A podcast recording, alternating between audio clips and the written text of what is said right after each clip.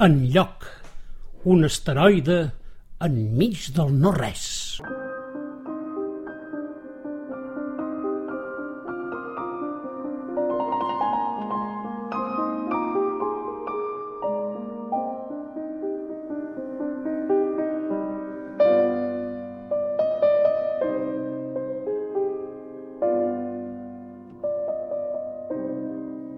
Abans, molt abans de l'abans i fins i tot molt abans d'aquell abans, no hi havia primavera.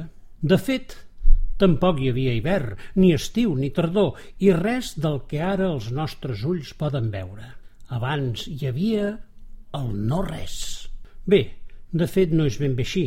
Abans hi havia un petit asteroide que es deia Enlloc. Ja veieu quin nom més estrafolari. Enlloc però no us heu d'estranyar perquè, com que fora d'enlloc no hi havia res més, els seus habitants, o millor dit, el seu habitant, no podia anar enlloc.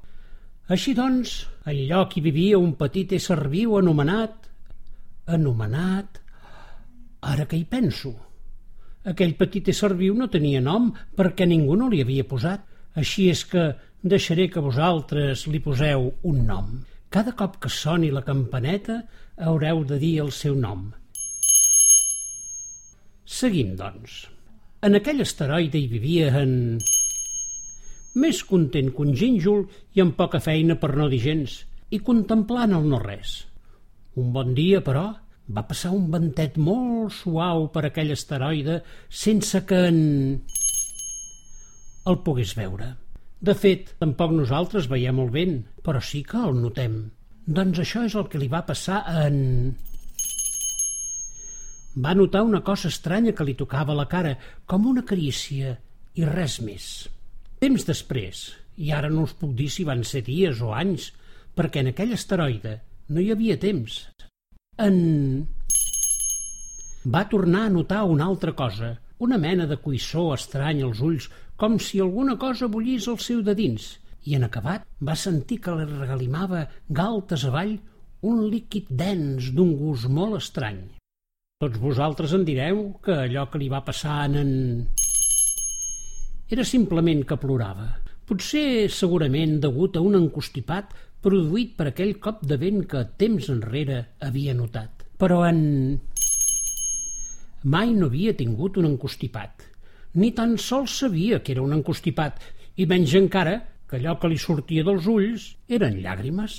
El cas és que, per primera vegada, en... va tenir la sensació de descobrir alguna cosa. Tant i tant li van agradar les seves llàgrimes que va decidir passar-se la major part del temps plorant. I, és clar, el seu asteroide es va començar a omplir de llàgrimes i més llàgrimes fins no deixar cap racó eixut.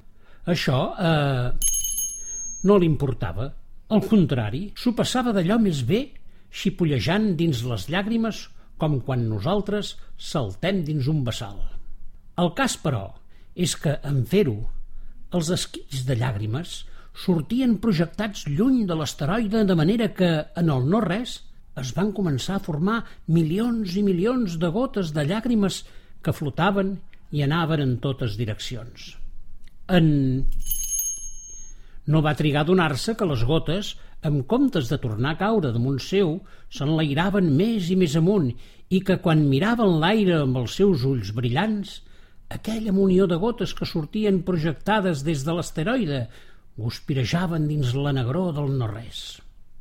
Va tornar a passar un munt de temps i va tornar a passar de nou per l'asteroide aquell ventet que havia encostipat a... Aquest cop, però, l'efecte que li va produir va ser tot un altre. Una mena de pessigolleig a la nàpia, com quan a nosaltres ens fan pessigolles al nas amb una ploma. I heus així que aleshores, en... Va fer un estornut de mil dimonis. I quin estornut, valga'm Déu! va ser tan fort i tan potent que en lloc l'asteroide on vivia en... es va fer a mil bocins que es van escampar pel no-res. Del que va passar després us en podeu fer una idea. Un d'aquells bocins va esdevenir la Terra i els altres, segurament, altres planetes. I un bon grapat d'aquelles gotes que havien sortit projectades del lloc i que voltaven pel no-res, rodejaren la terra per a protegir-la, esdevenint el que ara anomenem cel.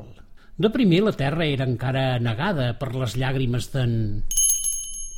A poc a poc, però, començaren a emergir petits turons que esdevingueren muntanyes, illes i continents, i a la terra germinaren les llavors que s'amagaven en aquell bocí del lloc i dins les llàgrimes que ara eren mars i oceans sorgia la vida en forma de petits animalons que a poc a poc i amb el temps poblaren les aigües i la terra.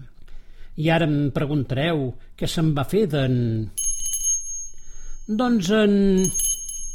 Encara hi és, però el cas és que no ha decidit quedar-se en un lloc fix, sinó que volta per l'univers escampant llàgrimes i creant nous mons amb els seus estornuts i les nits estelades, sobretot pels vols de juliol.